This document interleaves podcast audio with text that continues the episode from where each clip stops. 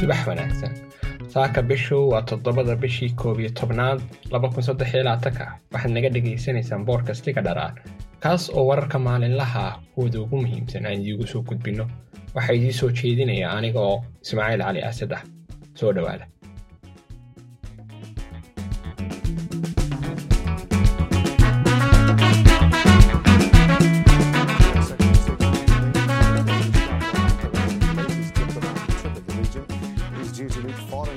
Hakan Fidan to discuss the war in Gaza. The visit comes as relations between Israel and Turkey are strained, with both countries having recalled their envoys. xogayaha arrimaha dibadda ee maraykanka antony blinken ayaa la kulmay dhigiisa turkiga isagoo wada socdaal bariga dhexe ah kaasoo looga gol leeyahay in lagu qaboojiyo xiisadda gobolka ee ka dhalatay dagaalka israa'iil iyo xamaas blinken ayaa laba saacadood iyo bar kula kulmay wasiirka arrimaha dibadda ee turkiga hakan fidan subaxnimadii isniinta oo shalay tora ahayd caasimadda turkiga ee ankara. Balse madaxweynaha turkiga ayaa diiday inuu la kulmo wasiirka arrimaha dibadda ama xogayaha arrimaha dibadda ee maraykanka. Hadafka ugu weyn ee blinken wuxuu ahaa inuu wakhti badan u sameeyo israa'iil ama u iibiyo wakhti sidaa waxaa yidhi taamir qarmuud ah brofesor ku takhasusay public policyga waxna ka dhigaa doha institute for graduate.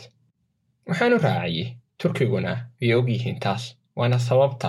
uu u helay soo dhoweynta qabow ee xoghayuhu ama wasiirka arrimaha dibaddu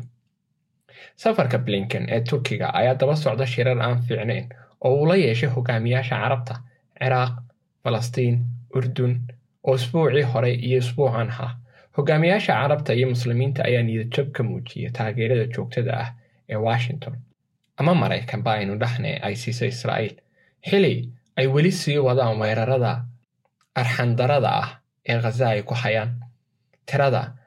dad ay ay dishay israa'iil ayaa iminka kor u dhaafay in ka badan toban kun oo qof welibana saddex meeloodoo meel dhan waa carruur dhinaca kale washington waxay taageertay hakinta bini'aadamtinimada wax loogu yeeray humanitarian bos oo dagaalka ah laakiin waxay diiday inay ku biirto codadka beesha caalamka ee ku baaqaya xabad joojin buuxda.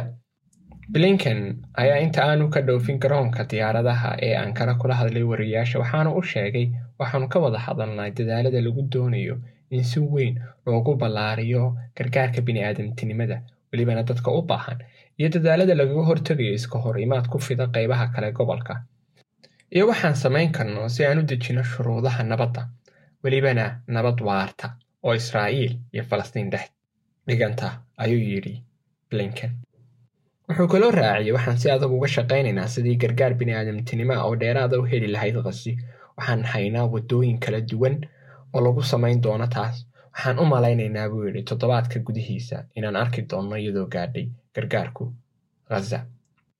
howlgalka blinken oo ah kii labaad ee uu ku yimaado gobolka tan iyo markii uu bilaabmay dagaalkan u dhexeeya xamaas iyo israa'iil waxa uu helay taageero xadidan oo uu ku doonayay inuu ku xakameeyo burburka.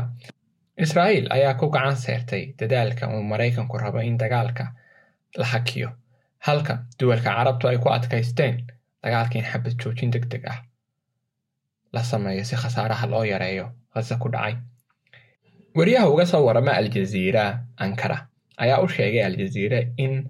blinken iyo fidan ay ku heshiiyeen qodobo yar. Dhinaca maraykanka waxay isku dayeen inay ku qanciyaan saraakiisha turkiga inay cadaadis dheeraada saaraan xamaas oo ay sii daayaan maxaabiista xamaas balse dhinaca turkiga ayaa ku adkaystay in labada dhinacba isdhaafsadaan maxaabiista oo israa'iil la sii dayso maxaabiista falastiiniyiinta ah.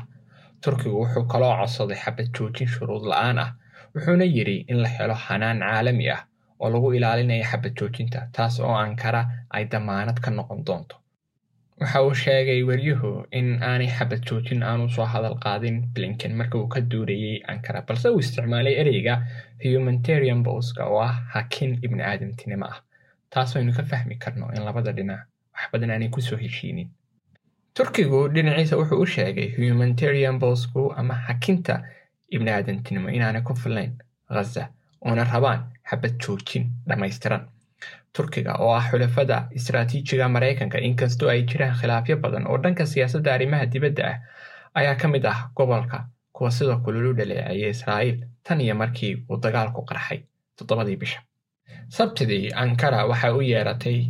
safiirkeeda u fadhiya talaabiib oo ah caasimadda israa'iil. Sidoo kale erdogan wuxuu si isku mida u dhaleeceeyey quwadaha reer galbeedka ee taageeraya israa'iil xilligan ay weerarka iyo duulaanka ku haysa khasa